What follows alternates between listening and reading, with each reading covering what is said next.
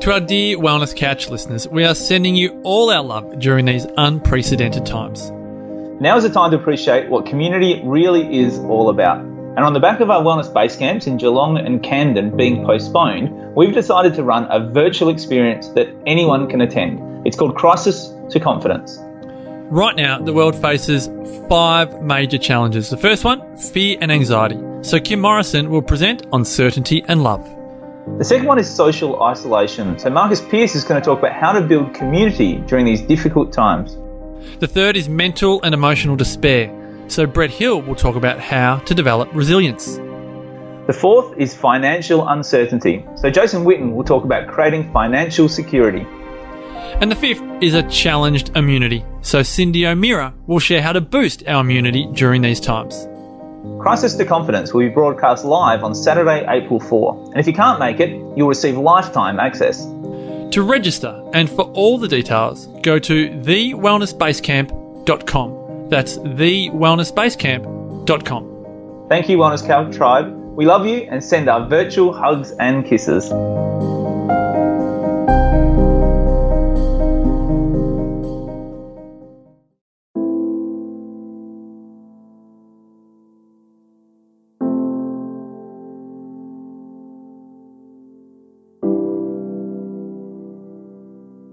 Welcome to Nourishing the Mother, where inspired women talk about the journey of motherhood through the common thread of parenting, relationship, and sexuality as a path to consciousness. We ask, in what ways can we show up more fully, live more meaningfully, parent more wholly, and love more unconditionally? How can we mine the wisdom from the experiences of our lives and expand into those challenges? If you are here, you care about paving a path of conscious and intentional motherhood, connected with yourself and your gifts, and also illuminating your children in theirs, so we may raise more whole humans who can impact this world in a more humane way. And if you feel like giving a little back to this free content, please become a patron of the show and receive extra member benefits for less than a coffee a month.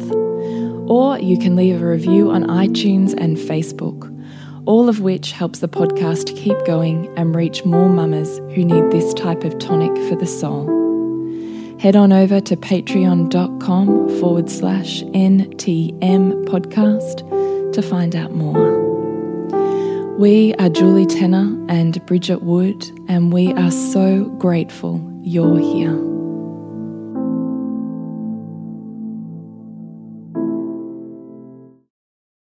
Hello and welcome to Nourishing the Mother. I'm Bridget Wood. And I'm Julie Tenner. And if you had joining us live, this is the very first podcast that we are pre releasing and streaming live Yeah. on Facebook. So if you are not a patron member, you can go and check out that live recording because sometimes it's just fun if you're a visual learner. That's it? right. Yeah, so you can So- you can catch them. You can catch all of our podcasts live if you do join Patreon and access the um, the Patreon Sigmore group, um, or perhaps you're just accessing this podcast once we've already released it via all of our podcast streaming. In which case, thanks for listening. But this is a really um, a first for us to be releasing a podcast and streaming it live um, as we're recording it into Facebook because the topic uh, tonight or today is one that is is really important. We feel that um, that to release this now is is it, it, it, needs it needs to be heard. It needs to be um, explored because it is parenting through coronavirus. And uh, you know, it's something that Julie and I have been kind of we haven't even caught up really since the, all of the shit hit the fan, even in Australia, which was nearly a week ago now. No. But it's been We had like a rushed conversation this afternoon. we and that's about did, we yeah. did. Um, but it's been, I know, it's particularly for our overseas listeners, for our international listeners. It's been, you know, we've got listeners who are in lockdown. We've got, you know, in the US and the UK. Sorry, not in the UK, in Europe. So you know, there's people who are really, and for all of us, really, it's it's a it's a whole new world out there, and it's a world we're trying to make sense of, and increasingly day by day looking for more certainty and getting none. I mm-hmm. think mm-hmm. is where we're all at. and navigating an ever increasing rate of change. Mm, mm. Like every day, the, the pace of change accelerates. Yeah. And we're not great with change at the best of times, No, we're humans. we're not. And the rate at which we're being required to move with change, I think, is unprecedented. Mm, So I think that also can trigger a lot of trauma for a lot of people. Yeah, absolutely. A lot of mental health and anxiety conditions completely separate to the virus itself. So, a lot Mm, and which is which is what we which is actually what we see with panic buying and hoarding. I mean, the, Yeah. we can we can you know the Prime Minister of Australia and other ministers have, compl- have completely um, you know blasted that kind of activity, but that activity you know comes from a deep seated you know often trauma. You know whether it is a trauma epigenetically through war times and, and needing to hoard in order to feel some level of safety, or simply a you know a newer trauma, which is which is I have no certainty, but if I can have some certainty around being able to feed my family, then that's something. Yeah. So- actually, I was trying to find a clip today. I got sidetracked as what happens when you go on a YouTube, you know, tunnel. But I was watching Frozen 2 with my youngest Oh, yeah. today. She's obsessed with it, which is great. It's the only thing she'll watch. Yeah. So it'll buy me at least half an hour. Have you watched it yet? I haven't watched. Oh it my still. God. Is, So- it on, is it on like you just buy it? To watch I just bought the DVD. yeah. Anyway, there's this segment after the whole town's been evacuated for danger reasons, and they're all, you know, struggling with the the trauma of that and the panic of what what now, and you know, as they're planning what their next step is, and Olaf, the little um, snowman, is sitting down with a group of kids, and he's like the kids are like sticking icicles in around, making patterns on his face, and essentially someone goes, you know, you going okay, Olaf? And he's like, yeah. I call this controlling what you can when nothing's in your control. you know, it was some statement Yeah, like yeah, that. yeah. And I was like, oh my God, that's gold. Well, it is gold because Yeah. it's true. I mean, and that's and that also whether it's panic buying or it's trying to control your children, which is another thing that happens, right? So Yeah. you're in stress, you're overwhelmed, Yeah. Pick your control. you know, because it's going to come up somewhere, right? Because when you're feeling out of control, you're you're looking for something to hang on to. You're trying to find some kind of solid ground and and any kind of leadership that we might even be looking to in any country right now. There's not a lot there, and there's and so okay, well, what can I lead? What can I control? All right, I'll control these. Try to control these children, mm-hmm. and then increasingly, the more that we try to control them, the more that they're naturally going to put up um, resistance to control, and then you have you know lots of challenge in relationship. Mm. So All right, so let's wind it back a little bit. I know we've mm. got a couple of questions. we do. But I did kind of want to dance around just the issue itself. Now, you mm. are our resident media head because that is certainly not me. Mm. What's your media spin on what you see having happened or progressed or predominant? Look, it's really, really tricky because I think that for most of us, nobody really knows.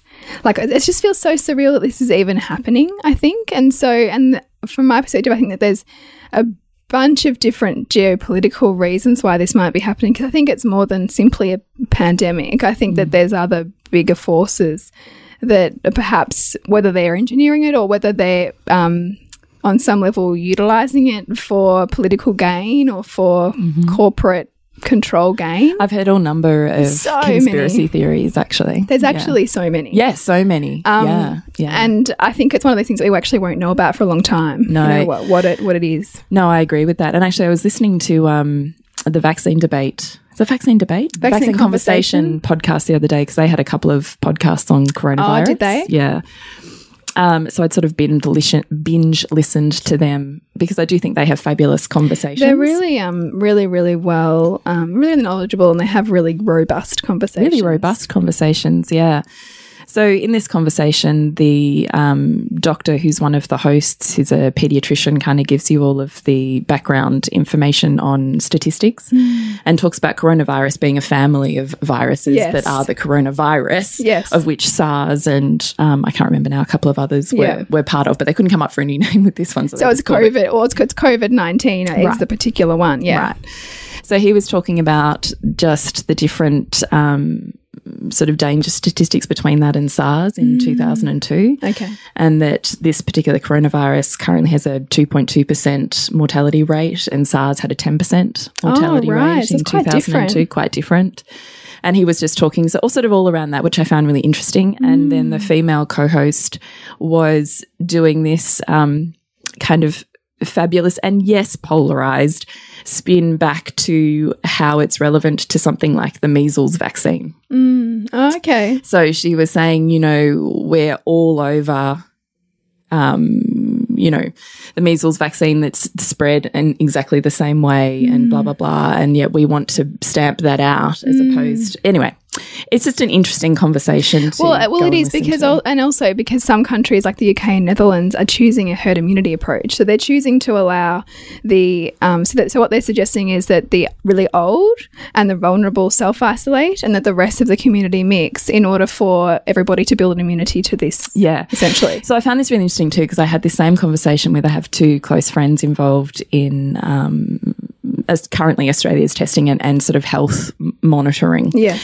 And I was having this conversation with them too, and they too were referring to the fact that what we're putting in place in Australia right now is to reduce the peak incident Yes. of um, infection. Yeah. Because if the peak, if the rate of infection of which it spreads quite quickly rises really Mm. quickly, it overwhelms the medical system. And, and that, that's really, I mean, that's where, That's, when it becomes more dangerous. Yes, and that's also where I think our, our personal responsibilities come in, and that we'll talk about that a little Exactly. bit later. Yeah, exactly. Yeah, but I mean, and I certainly understand this, and I talk to you about a lot about this in terms of the greater context of how this might fit into the World Health Organization's global vaccine Yes. mandates that are, that essentially they're committed to ensuring. There's a there's a statement that they say which is um, leave nobody behind. So they want everyone vaccinated. So this, whether however this pandemic has come about, it certainly serves that global mandate that they have to ensure The agenda, is- yeah. yeah.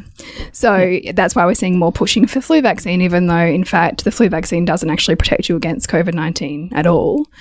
Well, from what I heard, the statistically that's 20, 24 ish months away unless Yeah. they speed Yeah. that process and, But and but, it is a race don't now. test. Yeah, Yeah. don't test. And I think there's actually somebody who has been the first guinea pig in the states for an iteration of, of this COVID nineteen Oh, really? vaccine. So, and I guess it's that thing, right? So if you throw enough resources at a problem that's a worldwide problem that's bringing down economies across the world, you're going to find ways to mobilize people Yeah. very quickly, Yeah, right? yeah. Especially when I think Donald Trump said that he would pay X amount of money for someone to come up with that pretty quickly. Um, so yeah, that. So that's- anyway, back to herd immunity. Yes. So all of the procedures that we have in place right now in Australia are to minimise the peak, so that Yes. our health system can continue to cope, as opposed to being overrun and then mortality um, and Be fallout higher. rising. Yeah. yeah. So they're trying to really stead that, but under the expectation that we need herd immunity. Yes. That ultimately it's not a matter of I'm not going to get it, but I will get it at some point Mm. because we need a community which is immune to a virus so that it's not mutating into Yes. a super virus. Yeah.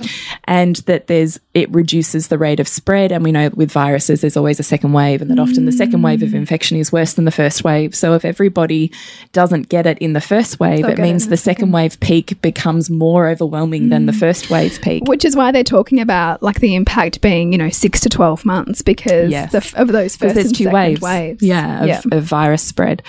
So um, I understand it. I also can see that the government is looking after, it's keeping currently in Australia our schools, shopping centres, public transport, um, health, emergency services are all still open and Mm. Functioning, functioning. We're certainly not in, in household lockdown. Mm. So I can see that they're trying to do that as a government to protect the fallout and the economy Yeah. for Australia, and I really understand. And, and me too. And I think the conversations I've been having with a lot of people too is that there's a lot of people who aren't so concerned about the virus because they feel like they'll be okay. And, I, and I get that. And our responsibility is to ensure that we're doing as much as we can to support our own immunity, but also recognize that there's many people who will not be okay. And that's where we take measures, right? Exactly, which However- is the conversation you and I had yes. today. Yeah. But, you know, I, it also is disappointing to me that there's so much conversation around washing hands and social isolation, but nothing on what you can do as an individual to support your own immune system. Like, there's, there's really nothing there about, you know, how about you, you know, manage Food is medicine. Food is medicine. Oh, but that's actually not true if you read, like, you know, mainstream media. Yeah, yeah, yeah. like, it's Yeah. so that's unfortunate, I think, because it's actually a really beautiful opportunity for us because there is actually a vast, a vast, vast population of people who don't have that level of health literacy yeah, There- there- health just literacy is. is great wording. you know um, so i think it's a lost opportunity in that regard that because in fact that would actually help stem the spread as well. If if everybody is leveling up their own immune system's capacity, they're therefore you know a less attractive host. You mm. know what I mean? Well, it's reflective of the whole of the health of Mother Earth, though, isn't it? We are the the micro of the macro. Yes. So the more that we invest in our own inner health, the more that is automatically reflective in the outer mm. health. Mm. Like I do think that that that we are an embodiment Yeah, of and a cycle of. And I love actually I was um I mean there's been so, just so many fabulous memes and and um, you know, championing of community and Oh, kindness beautiful. and outpouring. Like And that's where I can see, like, in the in, in and this is the thing, like, I love looking for pairs of opposites and the law of conservation at play because that's where I can see that yes, social socialization and quarantining and things like that have had enormous impact, but the connection on on social media and digitally is is enormous, and there's just a really heart opening outpouring of yeah. Of connection and also you know a lot of people a lot of more alternative voices are recognizing that this is you know is this the is this what is this what had to happen as a Mm. wake up call as well for the for a, that is generally the conversation in in left wing or conscious communities. Would however- say. is this the wake up call? Yes. to come home to self Mm. and what is most important to self and health Yeah. and wellness. and like you know finding your roots like like deepening your roots again to the ground that you walk upon and asking yourself is this the direction that i want to take with my life because Mm. when you're thrust into when you when all of your attachments are removed when all of the perhaps unconscious patterns you have in your life are removed from you like it's it's it's searingly painful but also is it part of your awakening to ask yourself yeah, is this job that I'm going to every day, or is this life that I've chosen for myself what I really truly want, or am I doing it on autopilot? You know, but but it's hard because when you are, you know, perhaps a family that's lost your primary income, primary breadwinner's income, or uh, you know, there's just so much uncertainty. I can see how all of this, you know. Don't feel the fear, you know, like rise beyond the fear. How much of that can feel really, really like a slap in, the face. like a slap in the face and really unhelpful um, as some of the sp- you know and more kind of spiritually bypassing kind of voices can sound Yeah. really unhelpful that is the perfect word. because yeah okay we can say this is all perfect and it's unfolding perfectly and the universe knows a higher plan but in us in our human form when we're struggling you know this is a moment to moment struggle for some people and all of us right because i Mm. can feel like the collective pain body in this i don't think that if you have any level of empathy that you can't not feel that Mm. and in turn so are our children and our children Yeah. are bathing in it and they're bringing it home to us and they're bringing it to us to ask us what to do with it in many ways. Well, I just think the energy is crazy at the moment. You can feel it. It's the weirdest, eeriest, anxiety riding energy at the moment. Mm, mm. A few of my friends are teachers and they're like, they don't have a choice but to work. totally. And like my mum's a teacher and she's just like talking to all her friends and saying that this is like, it's like they've been treated like babysitters yeah. because they're just at the front line and like th- all of the conversations, none of them are about the children's education. It's about keeping kids in school because no one can look after them if we take them out. yeah. you know, which I know is a reality, but at the same time, what about these teachers and their Health. health and all the people that they're coming into contact with, and the fact that you because know, they can't teach with a mask on. no, no, and how effective is that anyway? Yeah. So Mm-hmm. I do really feel for them. I do think that's really hard because even Mm. if they would choose to, you know, socially isolate or separate or whatever the case may be to protect, because they're all coming home to babies or children or at risk people Yep. or, you know. And unfortunately, uh, from what I've heard, there's a lot of schools who are just slamming down any resistance from Yeah, their I've teachers. heard that too. It's pretty disgusting. yeah. So and, and I and I can understand that from a leadership point of view because they are extremely stressed, right? Like we've got leaderships, you know, from the government down who are trying to make decisions that are unprecedented mm. and for which there is no script and for which the losses are unfathomable. Like if we look at our economy, like Qantas has just like cut twenty thousand jobs you know, and there's airlines that are ground to a halt. And so it's not just the airline staff, it's all of the people who work in the airports, it's the buses that, that, that ship them there, it's the whole entertainment industry's been wiped out. You know, and I've like, got friends who've got, you know, dub two parents work in the entertainment entertainment industry. What do they do? You know, and they're just waiting to be told, like, what do I do now? How do I make my rent? How do I pay my mortgage? Like, there's so many question marks. And those are things that have not really been answered quite just yet. No, they haven't. And I do think that's why the government's trying to keep all of those um, facilities open. Yes. Because what I, I've heard, I have um, my next door neighbour has quite a number of friends in Eastern Europe, and they've gone into hardcore lockdown, Okay. like not allowed to, to leave your house. If you're if you leave your house with another human or with a child in tow, you're fined. Really? Wow. Like serious house lockdown. Because I've heard that they're allowed to leave, like one person's allowed to go to the supermarket or something. Yeah, like one that. person on their own. One, yeah. But you cannot take a child with you or walk out of the house. Like kids are in the house in lockdown. Wow. Like it's really serious. Yeah. And then I just think, you know, how do you, if unless you're really proactive and conscious and, and have a sense of um, what your body and mind needs to be able to handle that? Well, that, this is the problem, though, isn't it? there's no conversation you just stay about home that. with You the just- kids. Oh, it's easy. Like, done, right? Like, I know. I know. and, And, you know, a lot of people, a lot of these people live in apartments, so there's no fresh air. There's no open backyard that they can go and like no. feel the grass in. so that's what I was going to say to you. So their government, um, I don't know how they're doing it, but is subsidizing half of all wages with employers. Wow. That's how they're surviving that Yeah. period of time right now. Yeah. I don't think that's what Australia wants to do, which is why it's keeping all of those facilities currently open. Because Australia doesn't want to go into that bigger deficit. Yeah. Yeah.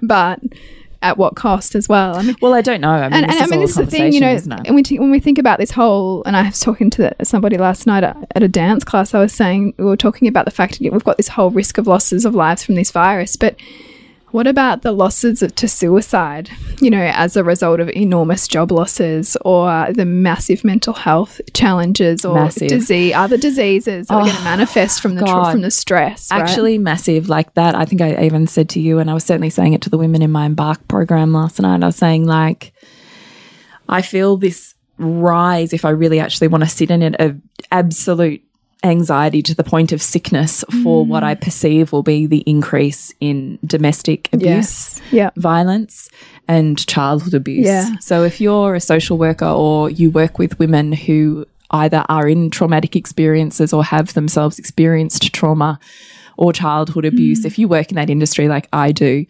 you know what happens mm. behind closed doors. And the less out there we are, the more isolated we are, the more heightened and pressure packed an environment is, mm. the more cataclysmic and catastrophic the trauma becomes. And this is actually why I'm quietly celebrating the fact that the AFL is still going ahead. yeah, I heard so many debates about But I actually today. think it's really important, and that will create a healthy outlet for the masculine who mm. needs somewhere to put their energy, who needs some kind of focus that's not in the four walls or, or with their own stress. Because, you know, as we know, like sport is a great outlet.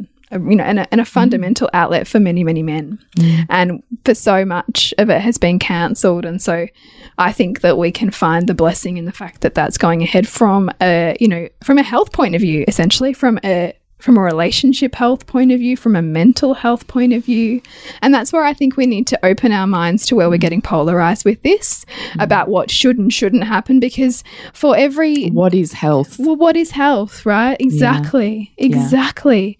And so it's so much more than like what vitamins you have to take to get through this, which is everywhere.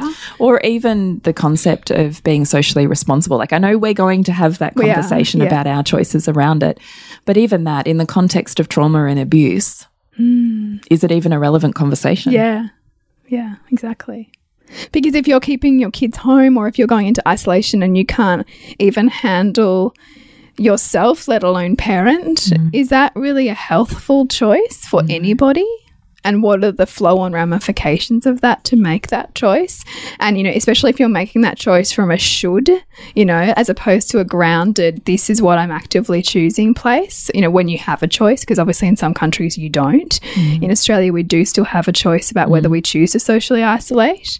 Um, and and I think it's important for us to ask ourselves if it's a congruent choice or if we're just um, conforming to what we feel like whatever. we should do. Yeah, yeah, yeah. Because there are many, many different ways in which we could approach this, and everyone, whatever choice you make, will have an opinion about it. So that's why it's really important to get clear. Heightened topics tend to do that. Yeah, don't they? Yeah. Yeah. And I mean, like, in fact, like, I, I'm in a group with a bunch of other students of Dr. John Demartini who I would actually love to, like, talk to right now about all of this because I think it'd be fascinating. But he, there's people in there who are in Mexico, and apparently the Mexico president is like, this is all a beat up, just ignore it. Like, they've, they had, like, they had a Guns N' Roses concert there with 100,000 people. Really? Nothing, no concern, nothing's happening in Mexico.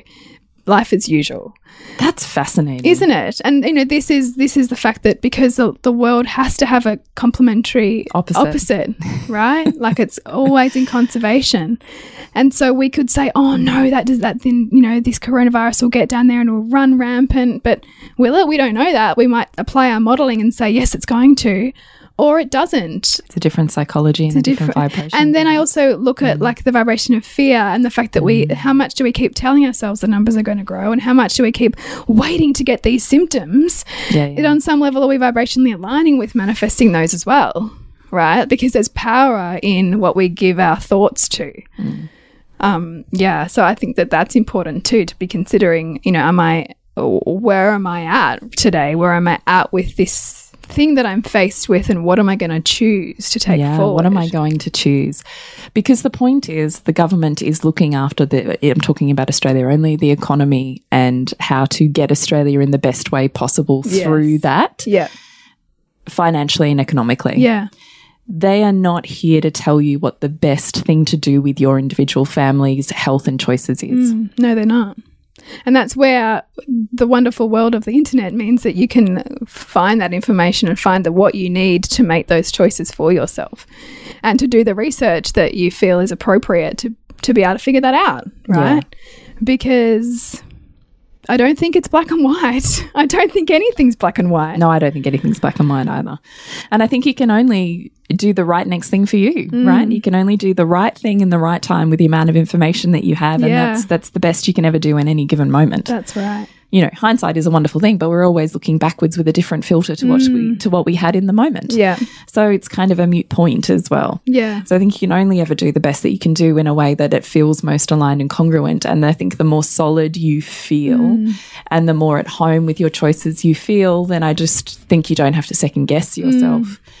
So in the context of social distancing, though, let's have a uh, talk yeah, let's that. talk about that. So just as a side note, my bloody husband's license plates from his car got swiped last night. Did they? So people are doing dodgy shit right now. Dealing with their anxiety and like, I don't know what the fuck. I don't know. So we had the police over today, Oh. and so yeah, the, the police out. The first thing he does is shake shake a hands. And Oh, I'm yeah. like, are we still doing that? Well, it depends, right? are you supposed to be wearing? I was asked, are you supposed to be wearing a mask? Did you say that to him? yeah, I did. And he laughed and went, oh yeah.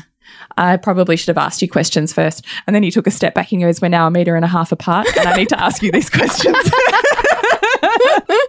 and I was just like, Oh, so we're still human. Yeah. Although it was just it was like this it was like this press conference conference that um that I saw where this woman was talking about how important it was you can't touch your face and you know it's really really important because we don't even realize how much you're Oh touching God, our I know. At the moment, I'm like, oh my God, Anyway, so, touching so, your so face. just you know the, the, the parameters are to make sure you're washing your hands and never touching your face. And she licks her finger. you know, as part of a mannerism because she was turning a page, right? like we're human, right? We're human. And I think that this is also the level of lightness and compassion that we need to bring to other people when we're feeling deeply triggered and shooting on them, right? Like shooting on other people for not conforming is, you know, because it's happening everywhere. It's happening in my school like group about people who should be self-isolating and yeah. and I get where there's a pain and fear, you know, for those people who have got immunocompromised family. Okay, so this is the conversation that we just need to slow down just- and have. let's have So that conversation. Let's slow that down. Yes. So, high risk people to me are people over the age of 65, really young babies, so under the age of one. Um, anyone who's immunocompromised in any way. So they have um, long term chronic health conditions of any sort, I would say, but also specifically around the area of any breathing apparatus. So lungs, bronchioles, sinus, um, anyone who I think could potentially be immunocompromised and going through something like chemotherapy or cancer Mm. currently. Um, what else? I can't even think right now. My mind's gone. Well, that, well, that's essentially it, isn't it? Anybody who's Oh, pregnant? Oh, and pregnant, yes. Yeah, so it's not the virus itself, because I've certainly read studies recently that say the virus itself is not detected in amniotic fluid or in um, umbilical blood, cord blood, but the issue is the fever. The fever, yeah, yeah, that's right. And in Yeah. fact, a friend of mine has best been told, or friend, a friend of hers is 12 weeks pregnant, and her midwife has said you need to self isolate for 12 weeks because the risk of fever for you having Yeah. previously miscarried is too high. Yeah, exactly. Exactly. So the level of um, social and self responsibility is not to us, but to those people, Yeah. those members of our community that we would like to probably, in many ways, separate ourselves from and just go, well, I'm fine. My Yeah, family's yeah, fine. Yeah. Which is totally me. Like I'm looking at going and I had the conversation with my kids continuously. I'm, you know, I'm not worried about any of us getting mm, sick. Mm. Like I'm really not. Mm. I think it's a flu virus that yes, while it will be awful, we are strong, healthy. We have a cupboard full of all of the things that I need to treat anyone. We're going to be fine. Yeah. We're going to be fine. That's right. But my mum is a high risk person. We have contact with members of the community who are high risk people. And I think that it's socially irresponsible for me to have my children, who in all likelihood have uh, have been at school up until today, more contact with community, and me included as well. We're out and about mm. still. You know, kids are still playing together. We can certainly be carriers without ourselves being infected. We could mm. already be infected, and in fact, is the most infectious phase before you are actually symptomatic. Yeah. So you could be automatically trans transmitting the virus before you're even aware that you're sick to begin with. Mm-hmm. And the level of self responsibility that I feel if it was one of us who essentially got my mum sick and potentially could be fatal for her, mm. I couldn't live with it. Yeah. Yeah. I couldn't live with it. Mm. So I rung her today and had a really serious conversation with her about, you know, her, because she can be quite kind of like, oh, you know, I'm, you know, young and fit and healthy and I'm going to be fine. And I really had the conversation with her and like, you really need to consider the fact that you mm. are a high risk person. Yeah, I know you're, you're good, you're healthy. Mm. But, and because of that, I choose not to have my children around you at the moment because I can't handle the level of risk and responsibility that I put you in. Yeah. And I cannot handle that that burden of if it were me that ended up transmitting to you and it can be fatal for Yeah, you. Not yeah. for me, Yeah. but it could be for you. And I just can't live with it. So I had that really hard conversation with her today. And um, she was like, Yeah, I really understand that. I, I, I get it. Yes, I'm, I'm being careful, you know, blah, blah, blah. She then later sent me a photo of her out walking with her mask on. okay, good. We're getting it. But Yeah. she goes, But she lives on, and the other point is high risk. She lives on her own. Mm. So if she had any breathing difficulties or got into distress, could she even get somewhere that could help her? Like I do think Mm. And living on your own and- is high risk too. And that's it. And also because, you know, like you don't really want to just get yourself in hospital for any reason over the next six months if you can avoid it. Right. And the other point is, I, uh, as I said to my kids today too, I also like, I don't think for us it's a matter of, um, we're, we're going to avoid getting sick. I think it's a matter of we will probably get the virus Yeah. because that's part of herd immunity and it will be fine. Yeah. But as much as is humanly possible, we would like to choose when that happens or that Mm. we delay that so that there's not such a huge spike. Mm. So that if we need the hospital system, it is available to us And rather than, yeah, and it's resourced rather than being swept up in the, The great initial- increase and then no one can help us in that Mm. peak increase. So I was saying to my kids today, that's why we're making certain choices Mm. now about just delaying the spread as much as we can influence Yes. that. Yeah. You know? And you know, you never know, but it feels like if that feels like the right choice and we're a new resource to make that choice. Yeah. And this is the other thing, right? Like I get that there's certain people that do not have the luxury that I mm. have. I work from home. Mm. There's no reason that my kids can't be at home, mm. homeschooled by me. And that's similarly led me to the same choice. Like, there's no reason. Yeah. If I was, our livelihood depended on me working and, and therefore I needed my children in care to be able to do that, mm. I totally get it. Mm. But mine doesn't. Mm. So I can make a socially responsible decision to be part of the wave that reduces the peak. Yes. So that's the decision that that we have collectively as a family made today. So I just think it's also less about self and more about your mm. awareness around children are just pretty, you know, dirty in Yeah, general. yeah. Like if anyone's going to get sick, it's going to be your kids. And it's by design because they need to build a strong immune system so they Yeah. get sick often. Yeah, And so I think that we we also see that as a function of health. I do, but, But- then you need to separate your children That's from right. elderly people. Yeah, and so that's a or high risk people. Yeah, and so that's a conversation that I've been having with my mum, who is also doing shopping for my 91 year old grandfather. And so I'm saying to her, because she's obviously looking after my kids, you know, one every now and again, once a week sometimes. And I said to her, look, you know, I'm concerned about potentially you as a transference if you are coming into contact with him. And she was really conscious of that and was saying that, in fact, she's actually not even seeing him. She's kind of dropping the okay. stuff off. And that they're figuring out around What the that family. like. Yeah, what that what that looks like so that there's minimal um because he lives on his own, that there's minimal contact from people who are likely to be, you know, touching you know, around, you know, the more kid kind of younger people focused. Where in fact, I was looking at some data and the highest carriers apparently are 20 to 29 year olds. So that's why the, the push is Really? that's why the push is on closing universities or getting university students out of unis That's so interesting. because they are so asymptomatic. Well, they certainly seem to be the most well resourced, resourced education. Mm. I want to say department, but it's not area. Yeah. At the moment, because certainly that that flow on has not happened. That level of sophisticated organisation is not mm. apparent in high schools and primary schools. Mm. So it's interesting in Australia we see some private high private schools closing or electing Although, to close. yeah, but I've heard they have to reopen again on Monday. really, Yeah, Nick and I were having that conversation last night. Wow. Yeah. Yeah. So there's and, and then there's also more of them that are plan- that are that are that are setting up for a potential full closure of term two. So Yeah. um, term two may be delivered fully online for some schools, and the Department of Education for public schools is still really holding back on any kind of decision there. But that there's a lot of preparation going on in the background for that. Look, the same thing with, um, I mean, I'm in the Catholic education system, same Yeah. thing there. Um, in fact, one, I was speaking to another mum this morning who's a who's another high school teacher, and she's like, "Oh my god, I'm getting these emails daily from as you know people decide to to Yeah. self isolate and stay home.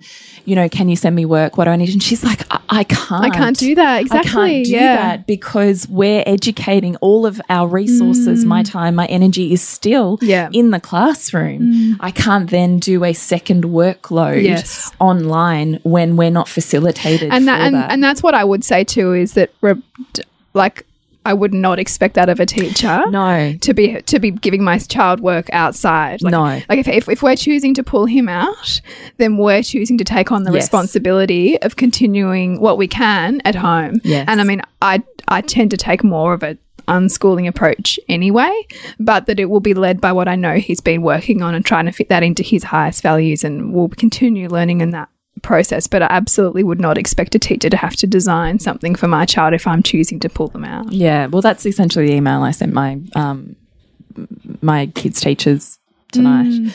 Was I'm in no way trying to add to your workload. I'm quite happy and to homeschool. I mean, I'm not going to lie; it's like slightly part of my fantasy life. Yeah, me too. I was like, I was like, this, is this like my kind of like closet dream coming true? so Because I'm already, I'm already excited about all of these women who are never going to home birth and are now home birthing. Yeah. Could this oh my god, your post was epic. I loved it. Could this be permission to Yeah. homeschool, right? But that's a little bit of a side note. But Yeah. because my son's often always said, "Why can't I do school at home?" Oh, there's very little boundaries here. So when we really talked about the fact that out there's too dangerous Yeah, yeah, and everyone needs to be in here, there was nothing that was really going to come, you know, like there's nothing coming from here that's Yeah, yeah, like, yeah. no, we shouldn't if we're really honest. if I'm really honest. Yeah, So I'm really excited to actually plunge into the challenge of homeschooling. Yeah. Because obviously you and I have been born and bred into that community we have. Yeah, of unschooling and homeschooling since the day that we had our children. Yeah. So, whilst we chose to move through schooling systems, we still very much in preschool have tapped into all of the resources Mm. of unschooling and continue to still have philosophies around chi- child education and scaffolding and, learning. and very much child led. Yeah, Yeah, yeah, that are outside um, mainstream education systems. So I had the chat to my kids tonight about, and I'm like, yeah, you know, this will mean that we're going to look at our home and household as if it were, you know, a working farm. And so each morning we're going to look at the things that sustainably need to be facilitated mm. throughout the day, inside and outside. And when we look at each of those things, then we're going to look at what is the learning in them. Mm. So, So great. Oh, I'm so excited. so it might be, you know, we've got to clean the chicken coop. So you guys, you can do, um, we can research about diatomaceous earth or we can research about, you know, um, chicken infestations and all of the different disease states they can get and how they manifest in their systems biologically, what the disease progression is. You know, like I'm going, we can do all of these things. My kids like, oh, because I love science and biology. and they're like, oh, can we make elephant toothpaste? And I'm like, well, only if we can come up with some chemical constructs around what we're actually doing. You know? and then Jade's like, oh, can we get dry ice? And so we're having all this. and Nick's like, no. No, we're not getting dry ice. I just read the other day that someone decided to put dry ice in their pool for a party, and then kids jumped in, and three of them died No. because they wanted to get that smoky effect, you know, on the pool. Oh, but whatever the, horrible. whatever the chemical component is, re- reacted with the chlorine Oh. and has resulted in the death of three kids, three teenagers. Ah, Out. So I was saying, so you know, my teenagers were like, "Really?" I'm like, "Heath, that's your research assignment tomorrow." Yes, tell me about that chemical reaction. Yeah. So I'm looking at what is the function in our life where, for the first time, they get to be fully invested in mm. all of the things that I love, and I get to teach them all of the things that I mm. love. And, you know, food technology and talking about the chemical reactions that make a cake, mm. and you know, self sustainability and moving towards what what does biodynamics look like. And you know, we've currently got some scale on our um, zucchini, so let's talk about why that's there and what solutions would be to it, and like schooling in a completely different paradigm that brings them home. Yeah, so cool. I mean, and it really is that invitation to connect with what's what's put you here in the first place, right? Because as soon as we lose, uh, and I was saying to this to my husband, like, I think this can remind so many people, or you know, for the first time, perhaps ask them to think about where their food's coming from, Yeah, right? yeah, The things that they've completely taken for granted yeah. that just happen to arrive on a shelf. What's the story of that? Like, how did that get there? Who are all of the people who brought that to me? And what an immense privilege I have to be mm. able to access that. Mm. You know, and it, The trouble is, we're so privileged that we have no resilience left. Mm, yeah, it's true. And this is also where I think the profound nature of getting back into permaculture principles and learning about that and understanding the interconnectedness of life and that how we are so intimately connected, even if we don't realize it, and how this is a, really stark at times reminder of that. Like, I think it's a, I, I think on the whole, it's a beautiful invitation, but it's delivered with a shit ton of pain for a lot of people. And suffering. Yeah, yeah. There's a couple of questions here. Yeah. Um, what have we got? Yeah. So we've got something here for the people who are listening to the podcast. We've also got comments happening on our Facebook Live. Um, what's Stace saying? What a treat to see you two. Thanks, Steph. That's lovely. This week I have two kiddos, two and five, out with a terrible vomiting bug. School has been closed for two weeks after a major fire and COVID 19 all over the news. I'm a nurse and COVID 19 means I'll likely work more and not less. Mm. I'm a single mum and usually really present and okay, but I'm feeling slightly overwhelmed after trying to mm. get basics for, for the here and now against the COVID 19 quarantine prep. It's stressful. Yeah, I don't doubt that. And also, I mean, in other parts of the world, and, and I even hear in other states of Australia, it's not so bad. For some reason in Victoria, we've gone completely freaking crazy. Yeah. And everyone's hoarding food. And so there's mm. nothing in the supermarket. And that, and then that's what I find heartbreaking is you know you've got people who might only have just enough money for their weekly shop or the elderly exactly. people That they don't or- even have the option of a bulk shop. Yeah, you know, and so they're going there really hoping for that one thing with just enough money for that one thing, and it's gone because someone else has got 10. You know, like, and eh, that's what I find really heartbreaking. Yeah, I find that really heartbreaking. Alexandra too. says that's a great thing to point out. You can be part of the wave that reduces the peak, and you can acknowledge that not all can do that, but that there are those of us that can. So if we can, we probably should. Yeah. Yeah, and that's sort of where we. That's what I'm landed. saying. Yeah. yeah, Yeah. That, and that's I've been chatting with a number of friends about about that about I feel this now sense that that I that I can I can just be part of that. Yeah. Without it needing to mean anything about you or anything Yeah. about me. Mhm. And without it needing to be like lockdown. Now I'm in my house for the next, you know, Yeah. I'm just saying I can be part of that and mindful of reducing the exposure of my children to people that are at risk. Yes. Yeah. Olga says, so privileged that we have no resiliency left. Yes. Had this conversation with our family who immigrated from poverty and their view. Yeah. And you mm. know, like I'm I'm trying to set up a, a FaceTime with my with my pop who's 91 because he was explaining his to my mum his experience of living through the Great Depression and the fact that their family Oh God, please record that. I know. Well, I really I'm going to because it's fascinating. But he was saying that their family they they moved out of their house in the dead of night, and because it was so shameful to have lost your house, so they moved house and lived in someone's garage. Holy he must shit. have been really little, but yeah, I mean, obviously, and this and this is also what I want people to remember with the panic buying and with the hoarding and with the Mm. anxiety that there are elderly people or even children of elderly people who are tapped into that, Mm. you know, that core trauma Mm. that doesn't leave your body in a hurry, and that if there's been no work done on it. On it, this is tapping them straight mm. back, and so I get the government wants to be all hardline about people people buying up, but to like slap their hand without giving them an understanding of why they might be behaving in that way and of us having a level of compassion to help them regulate their own mm. nervous system through something that's obviously deeply triggering it, it, it does it's just a band-aid and, and and all it does is gives gives more and more people who don't understand permission to hate on these people, which I don't think is helpful either. It creates more separation when what we really need is more connectedness mm. and more ability to try to put ourselves in other people's shoes. Mm. That's a hundred percent. Love will make this world go around, mm. and if you know we're not consciously choosing that, I, I don't know what the lesson out of this can be. I think it's moment to moment. Like I put a Facebook post like saying, you know, wherever you are, be the soul of that place. Like try to hold mm. the space of that place, but also make it okay when you can't because w- there's so many of us and because we are always being set up by the people around us to feel what they feel the heightened planetary anxiety now must be through the roof. Like if you if you mm. could measure that which i'm sure you can the measurement of collective pain and anxiety right now would be high. And mm. yes i know it's going to be balanced in some way but we're all plugging into each other's level of stress here. And so mm. it's not about trying to chase calm and it's not about spiritually bypassing and focusing on some other fantasy place where we're not here right now. I think it's also being honest and saying, even to our kids, look, I'm feeling really scared right now, mm.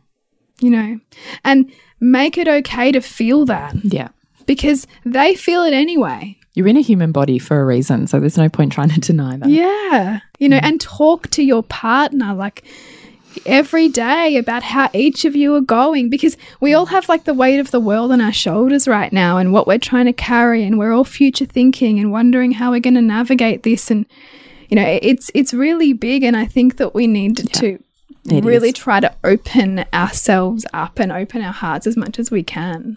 And notice when we're hitting edges like notice them mm. And work with them. And I think that that's particularly important when we are choosing to self isolate or, or, or stay home as much as possible is is preventative measures to regulate your nervous system. So, f- you know, it looks Yeah. like dance parties. It looks like, you know, movement activities. It looks like going out for regular walks when you can. It's lying on the grass. It's getting some sun. You know, it's it's those activities as a not when you get to the you know hair pulling your you know pulling your own hair out point. It's preventative maintenance for everybody in the family. And where you see your child, you know, perhaps doing things that you find really challenging or moving in difficult ways, try to ask yourself what the function of this is because children are always trying to regulate. And the things that we might find really hard, like for instance, my son got super angry at me after school and was throwing stuff at me. And I'm thinking, oh, all right, there's lots of stuff here. Mm, Well, that's I think what I didn't say before was that my friends that are teachers are like, oh my god, the classrooms at the moment, like kids are like pinging, Yeah. And it only takes the tiniest thing To set them off. Yeah, Yeah, I did wonder that. I was trying to get mm. that from my son. Like, I was like, what's school like at the moment? yeah. I think well, I think just kids are, Yeah. are feeling the burn Yeah. of, of what is probably not being said or explained. to That's them, right. You know, and, or a space for them to actually regulate and come back down. totally. And you know, if you if you might feel connected to your kids, they're also playing in the playground with kids whose parents are maybe like you know, going through hell right now. that's and so your kid right. is meeting that kid on the playground and they're feeling that child and they don't know what it is and they're bringing it home and then really, really, really not sure what's going on. And so it is also trying to cultivate, you know, a, a capacity in your own body to hold more space for that and to, to, move beyond behaviorist ideals or you know pr- like self-righteous family values about we don't do this in this house Yeah. to look at the function of what's coming home here and what do I need to help my child move through and what boundaries can I create to keep the other siblings safe while we work with this because it needs to move somewhere and they are looking for us to regulate them but often we can't like if we're stressed if you're really stressed you're not going to be a great external regulator for your child Yeah.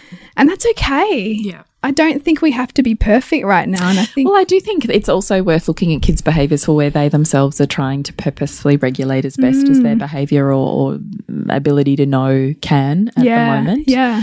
Like I have been really taking the step of observing, particularly my two year old. Mm. And sh it, it is extraordinary to me how, with this rise in anxiety, she has also amped up her ability to self regulate.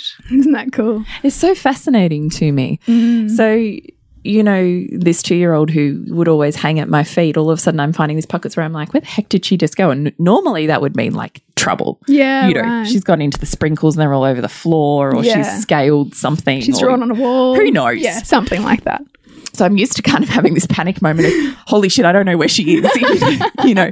And I've Yeah, had a couple of those in the last few days, only to find that she's shut her bedroom door, or her sister's room, actually. She's shut, shut the room to her sister's bedroom, and she's made herself a cubby with all of her babies in the bed, mm. and she's just talking to them. That's so sweet. Oh, and I just think this is your regulation. Yeah. So this is not the time for me to insert myself in your play. Mm-hmm. This is not the time for me to walk past and, oh, are you playing with your babies and snap her out of Mm. Yeah. that. This is not the time for me to insert myself. This is the time for me to go, oh, I can hear that she's doing that.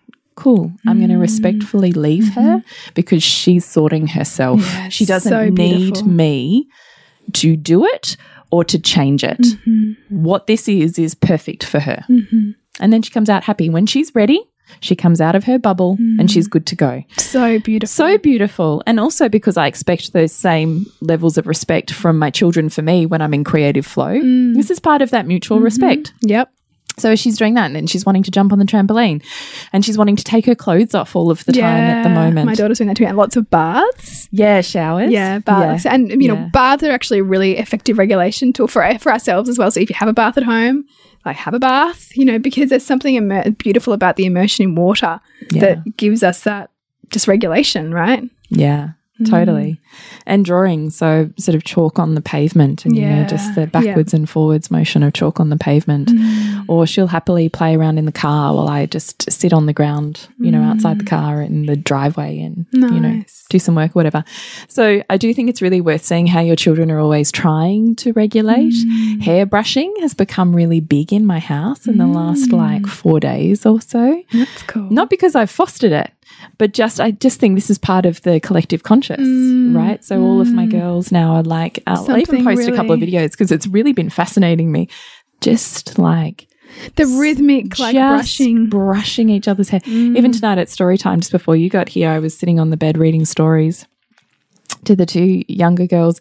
The two year old gave up, she wanted a story, but her older sister had just jumped out of the shower. So she sits there and she's just happy just to brush her older sister's hair hmm. while I'm just reading stories in the background to hmm. the other. And I just thought, this is genius. So good. I love when you can sit in that place of curiosity because it is whatever they're doing, it's functional for them. And I think so, as adults, we can so quickly, particularly when you know you're in early childhood environments and there's so much about teaching and directing the child that you can miss when How they self direct. how they self direct and how they're actually whatever they're doing is purposeful for them, even if we don't understand it. And so to give them a level of respect that we would like can give them more permission to be in that space and and and and continue to cultivate that connection to self, which is what they're what they're doing when they're in that that place essentially. Yeah. And also when when the when your kids seem fine, also don't leave it either. Like so my son it's his birthday on Saturday. Oh, when they seem fine. fine, you know. So it's his birthday on Saturday, and so obviously there's so much having to change for that. So his Yeah. grandparents are not coming down. I'm still not sure if we're going to go out. He had his his heart set on going to the Legoland, which we're just not going to go to. Yeah. And so he seems to have just taken it in his stride. Un- Really? unusually so. And so I'm thinking there's something, and I think part of it is what's been playing out, you know, like all the, the anger The and the anger, aggression, and yeah. so it's so it's not immediately coming out like at the, when he learns about these changes, but it's coming out in this in this disordered way as Mm. he's trying to, you know, compute it, I suppose. And so knowing that even if we can't understand why they might be lashing out or having a hard time, that that they are working through their own stuff, um, and to as much as we possibly can ask the question of you know what could be here and and just give them room to to move it. Yeah, I totally think that too. But it does take a level of, of um, self health to be able to do that. Yeah, that's true. I think this is a time like no other where there is radical responsibility on you if you are the primary caregiver mm. For your own health and well being yes. and self care beyond the fucking manicure. Yeah. Please. and that's a really good point because you know this this for me comes as a result of mo- of, of like half hourly connection to self like right. like and I have been constant. exhausted this week and I keep mm. going to myself, I don't know why I'm so tired, but I'm so tired. Yeah. All I want to do is just Go to sleep. lie down. yeah. yeah deep which breaths. is just so that. Mm. so that. So i've been finding these pockets just to just to lie down. But i do think this is the time where we have the space to ask okay i've got this extra time. We're home for more time. There's no activities. There's no thing outside of us right now. Mm. what do i want to upskill on learn on mm. read what i never read before listen to what i've mm. never listened to before try out and experiment with what i never have allowed myself because we're too busy before. Yeah yeah. Like I do think this is the time for the rising of all of those levels of self-care, self-awareness, mm. self-knowledge that you've never given yourself before. I do think that this is a beautiful opportunity and opening mm. for just that. Mm. I also do think that if you are having relationship difficulties or parenting difficulties right now, I don't think that they're out of the blue. yeah I think often what happens is they that become amplified yeah. Mm. Yeah. So I don't ever think that it's come out of nowhere. I just think we can busy away probably what was already there as a form of numbing. And it takes a heightened experience in which for that to heighten with it for us to pay attention to it. yeah So I do think this is also a time to radically nourish and work on your relationship hmm. and potentially your parenting in a way that you never have before. Because if you can hmm. do it now, you can do it anywhere. yeah it's really true Some really heavy lot of rain so I do really, I feel a massive responsibility for that as well. Um, a couple more comments from our Facebook listeners. So, Dr. Sophie Brock says 100% Bridget, author- authoritarian tones and power over us shames us in the same way as it does with our kids. Yeah, so that's in reference to the government trying to shame the people who are hoarding. Tara's saying we've been isolated all of this week as the kids were unwell anyway, and I'm considering continuing to isolate next week and then going to spend time with my parents' holidays In the holidays. in the holidays. I think if we isolate, I might actually be useful in deterring them from going out and taking their risks seriously for a few weeks and then getting them to isolate when we leave. Difficult decisions in how to care best for those in our community. Yeah, they are difficult decisions. Yeah. Um, yeah, so Sandy's a teacher, absolutely noticing that the kids are pinging at work. Yeah, it's hmm. hard. Rachel's saying, My three year old is really off at the moment. We've had a few weeks of social isolation due to normal sickness. He hasn't had a play with any other kids for like two to three weeks Yeah. massive meltdowns over wanting more food, but he is also very hugging and kissing. So he's looking for connection, isn't he? Tara, I love hearing that about Gwen. Also notice this regulation in my kids, but also much greater cooperative play as they rely on each other much Yeah. more than and use imaginary play to release and regulate in a new way. And I think that So that's it, it's actually a lovely time to to kind of cultivate curiosity between the ways in which um, your children naturally rupture and repair too, um, because we can have our own ideals about what that should look like. But when they're also in c- closer quarters, there's something really powerful about their natural ebb and flow through that that I think that can be humbling. I certainly find it humbling when I have these certain ideas about how I might like them to talk to each other and then I see the ways in which they do it and it's quite beautiful in their own way. Can you explain that a bit more? Also, my kids, when they have an argument with each other or they get frustrated with each other, often one of them will then say something funny and they'll connect through humor. You know, like and then and then and then they're like best friends again. So they have that that little pattern going on, which I think is pretty funny. So it is pretty much. Did we have questions that originally? We did have um, a couple of one a question or two on Instagram. Let me just bring that one up. And if you're watching live and you've got any questions, yeah, any more up, questions, please just please. tap them in. Uh, where is it here? No, it's not there. Excuse me, everybody, while I just get this happening. Hmm. Okay. I can't remember which one it was on. Maybe it was. I've lost it. I don't know.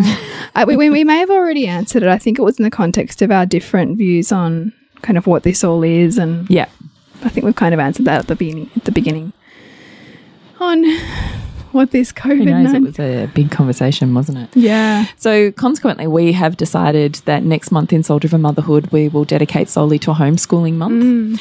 So we will be sharing throughout socials and certainly much more deeply in Soul Driven Motherhood all of the activities that we're choosing to do with our own children. Mm. But we're also looking to interview experts, find resources so that if you too are social distancing, that you have options. Yeah. And things to consider and um, a place to ask questions and have them answered. Mm. And we really want to continue that platform to be enormously supportive as everyone navigates this really difficult time, mm. that there's a place to put all of that um, dysfunction and find the function and connection yeah. within that.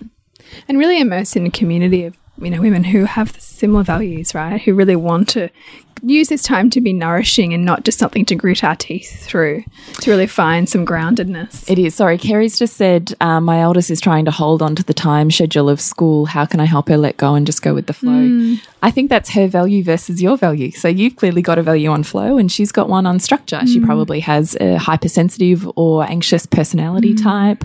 She probably needs control at a time when she feels a lack of control. Mm. So, in my opinion, the homeschooling would be how does she set the schedule schedule yeah, or you can look up deschooling. it depends how long you think you're going to do it for, because there's people who come out of schooling systems and, and try to deschool their kids essentially to to let them let go of that structure. But yeah. it depends. But it does depend on the child and whether that's going to. Well, and I just child. see it as really functional too. Mm. Like I don't think the epitome of function is to let go of all schedules. of all structure and all no. schedules. And I actually think that during this time we do need to we do need to keep them to some level of routine because like the brain loves routine. Like we we like to know what comes next. And in fact, the reason why particularly if you have a child who was anxious. Yeah. To be able to foresee the, the structure of their day mm. allows them to move into flow. Yes. If they're continuously spending all of this energy chewing up what's happening next, where am I going to be? Like, yeah. what am I doing? What's my game plan? How am I minimizing all of the perceived dangers mm. because I have no idea exactly where I'm supposed to be? Like, fuck. That's exhausting. That's not flow. Yeah. Yeah. It's, it's more anxiety. Yeah. yeah. So I just think there's absolutely room for flow in. Of course, the structure doesn't have to stay as the structure mm. because you might find that there's an activity that you just want to go longer because it was delicious. Mm. Cool. That's just what happens. Mm. But here's a vague rhythm or flow. I know I was speaking to um, my daughter's grade six teacher actually from last year, and she was saying there's so many resources on now online now as examples of school structures for home. Yeah. So it would look like a bit of a play here, and you might go out in the garden here. And she said there's so many like timetable yeah. ideas on how to do it. So I just think there's an, a heck ton of resources. But I wouldn't also be scared of the structure that she's wanting to hold on to at a time where there's no certainty yeah. for her. Yeah. I don't see that as dysfunctional. I see that as something that I can work with mm. as we maneuver the safety in it looking different. Mm. Um, you know, I would even take the role of of letting her direct that education. Okay, mm. so you want to do maths from 9 to 10 and then art from 10 to 11. Mm. Cool. Okay. Yeah. Let's have this vague structure and then each day we can talk about what we might choose to do in those mm. times. But if we have a vague structure, we know that there's a sense of rhythm in our day as opposed to you know what it's like all of a sudden mm. you're you know sucked in a vortex of social media and oh whoops it's one o'clock in the afternoon and no one's mm. out of their jammies or mm. whatever So, you know, I am a big proponent of, of flow and structure. And um, I think actually having my kids home, I will have to be more structured because largely my, my days are completely unstructured. Once I drop everybody off before I pick them up, that six hours is like just mine to do whatever the fuck I want to do with. Whereas having Around my a kids, toddler.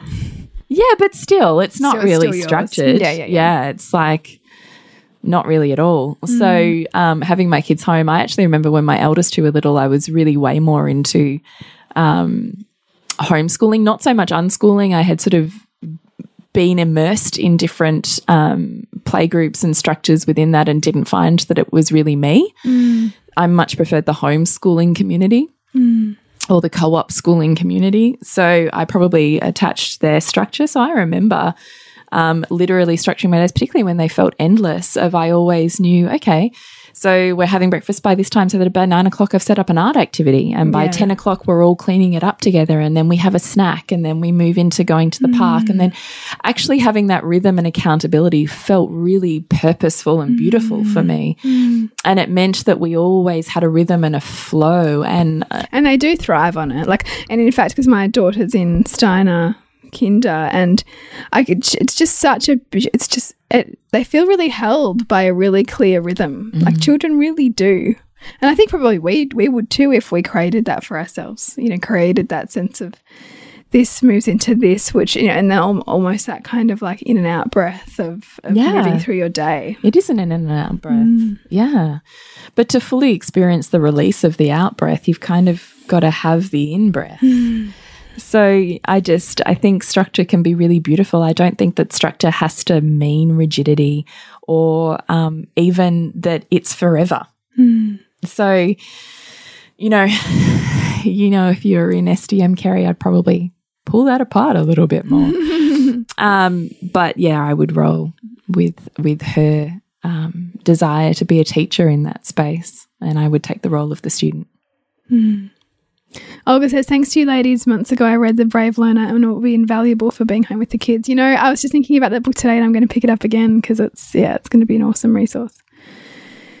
Cool. So I think we're going to wrap up. I think we are. Yes, we've actually got a live to deliver in our Soul Driven Motherhood group right now. So we better skedaddle. Yes. Thank you for tuning in. Yeah, we really thanks, appreciate everyone. it. We do hope you got something out of our conversation and our personal experiences as today at this point in time, because of course, as the It's changing day Well, by day, right? As the crisis is evolving and at a rapid rate, so might our opinions and decisions mm, too. yeah. So to have a level of, of structure allows us to feel a sense of flow, right? But mm. knowing that that Structure container can- might yeah. might shift. Yeah, absolutely.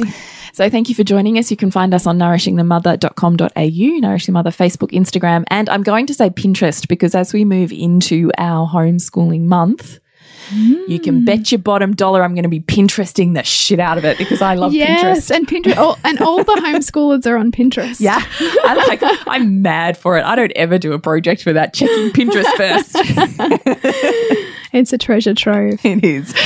So to connect with you, Bridget, suburbansandcastles.com. Although, because we're event based, there are no events coming up. Yeah, which just kind of sucks. So, it does super yeah. suck. Connect with you, Julie. Is thepleasurenutritionist.com. And if you are interested, Monday the 23rd, I do start a five day course. It's only $55 on relationship. So just really focusing on intimacy. It is based more around sexuality, but um, It can be the beautiful gateway to deeper intimacy. right. Yes. So you can check that out at thepleasurenutritionist.com or social media. Check us out at nourishingthemother.com.au. Did you? But you can say it Oh, again. cool. Just in case you needed to that twice. and remember to nourish the woman rock the family. And we'll see you next week when we continue to peel back the layers on your mothering journey. And if you want to support Nourishing the Mother and all the late nights, the early mornings, the blood, sweat, and tears we pour into our art, then please go to patreon.com forward slash NTM podcast and become our patron. As a patron, you're helping all of the cost of operating this podcast, the hosting, the editing, the transcription, helping all of that be completely covered, and joining a community who are all about honouring our journeys and continuing to open. The more support we have, the longer we can last. So become a patron. We'd love to have you. Go to patreon.com forward slash NTM podcast. We literally couldn't do this without you. Thank you so much for listening, and please share this podcast with anyone you think it would be medicine for.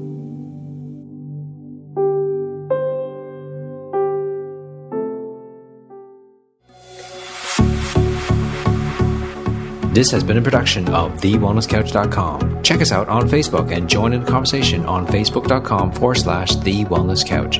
Subscribe to each show on iTunes and check us out on Twitter. The Wellness Couch, streaming wellness into your lives. Whilst the Wellness Couch presenter endeavor to provide accurate and helpful information to their listeners, these podcasts cannot take into account individual circumstances and are not intended to be a substitute for health and medical advice from a qualified health professional. You should always seek the advice of a qualified health professional before acting on any of the information provided by any of the Wellness Couch podcasts.